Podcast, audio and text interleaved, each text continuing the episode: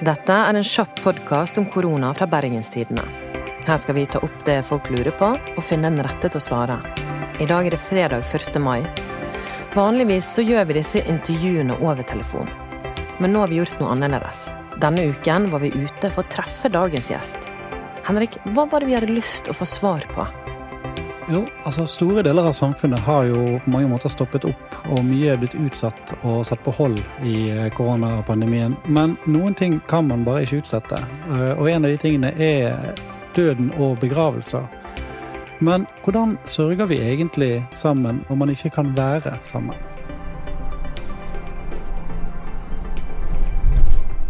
Vi gikk for å treffe Tore Brekkeflat. Tor er prest i Slettebakken kirke. Han er en mann på over to meter og treffer oss med snus i leppen og skinnjakke. Så hvordan er det for presten å ha en begravelse når vi ikke kan være samlet like mange som før?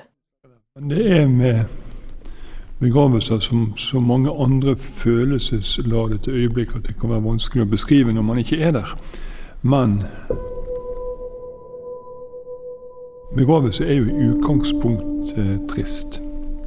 I hvert fall i hovedsak trist. Eh, men det blir ikke noe bedre når en familie, for å bruke et eksempel, må sortere i familien sin hvem skal få lov å komme. Eh, og de må på en måte svare nei til mange venner som svært gjerne ville vært der. Jeg har hatt begravelser med 20 mennesker til stede, og jeg antar at under normale omstendigheter så ville vi vært 500. Eh, det sier seg sjøl at det, det, er jo en, en, trist ting, det. Og så er det veldig spesielt å stå der fremme som prest og se da en, en sørgende enke som er på sin mørkeste dag, eh, sitte helt alene. Der det er 2,5 meter bort til nærmeste pårørende. Eh, og de sitter tre benker bak de som svært gjerne skulle sittet og holdt en arm rundt henne. Hun sitter med sitt tørkepapir og, og gråter for seg sjøl. Det, det, er et aspekt ved det som, eh, som eh, Ja, det er utrolig vemodig og, og trist å se.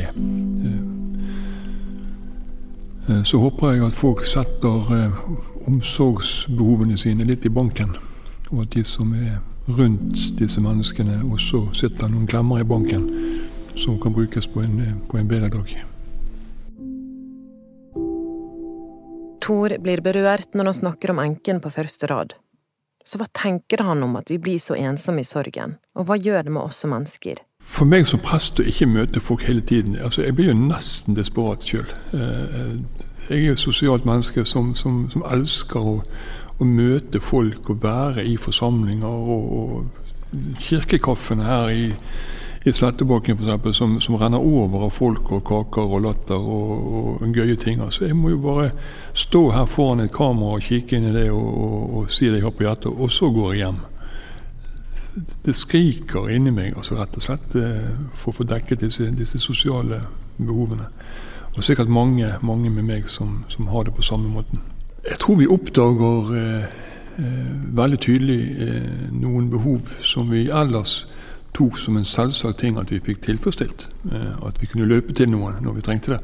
Nå kan vi ikke det på samme måte, og da tror vi oppdager hvor viktig det er for oss, og, at vi setter pris på det enda mer den dagen vi, vi kan gjøre det på den, på den vanlige måten.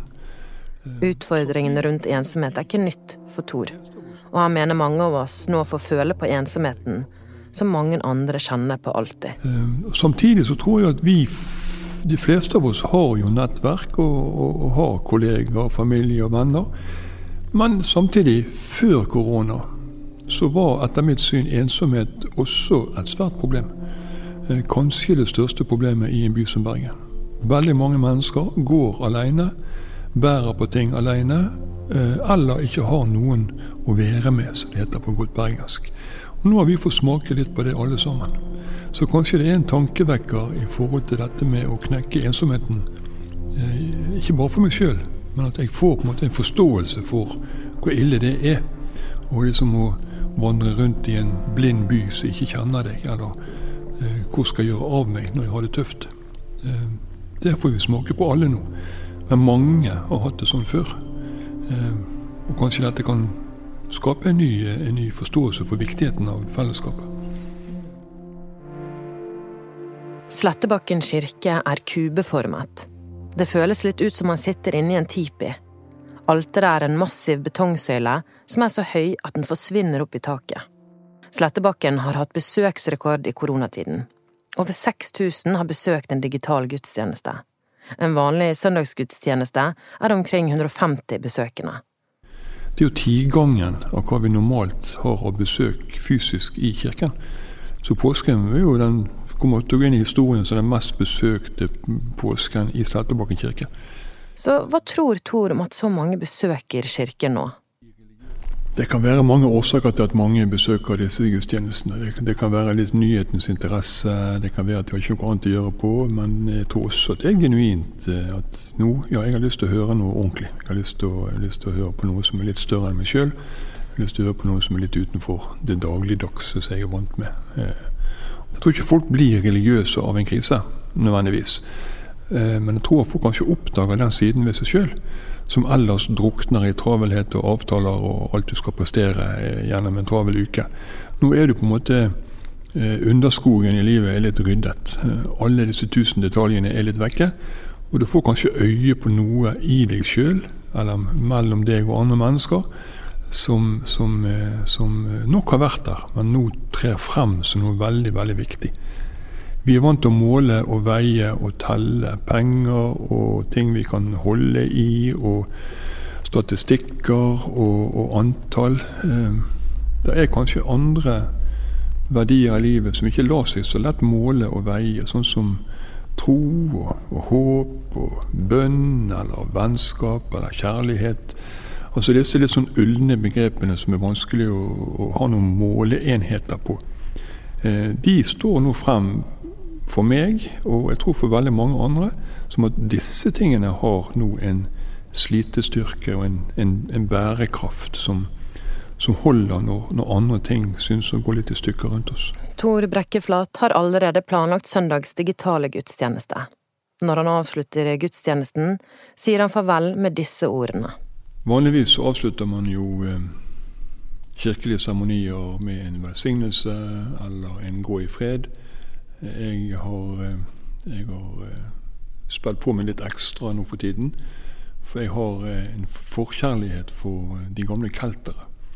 Den gamle vesterhavskulturen og, og måten de formulerer disse lange tankene på. Så jeg bruker veldig ofte en norsk oversettelse av den gamle keltiske avskjedshilsen når man skulle på den den lange reisen, og kanskje den endelige reisen til dette Tirnanuir der borte. Eh, den går som dette. Må dine veier komme deg i møte. Må vinden alltid blåse bak din rygg. Må regnet falle mildt på dine åkre, og solen alltid varme dine kinn. Må du være i Guds gode hånd til vi ses igjen, min venn.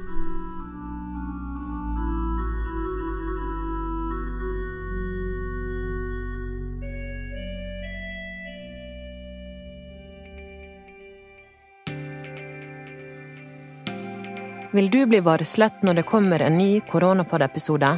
Trykk på abonner-knappen i BT Lytt eller på iTunes. Vi er tilbake på mandag med et nytt spørsmål. Følg med på BT sin løpende koronadekning på bt.no. Mitt navn er Anna Magnus, produsent var Henrik Svanevik. Lurer du på noe? Send en e-post på anna.magnus.bt.no.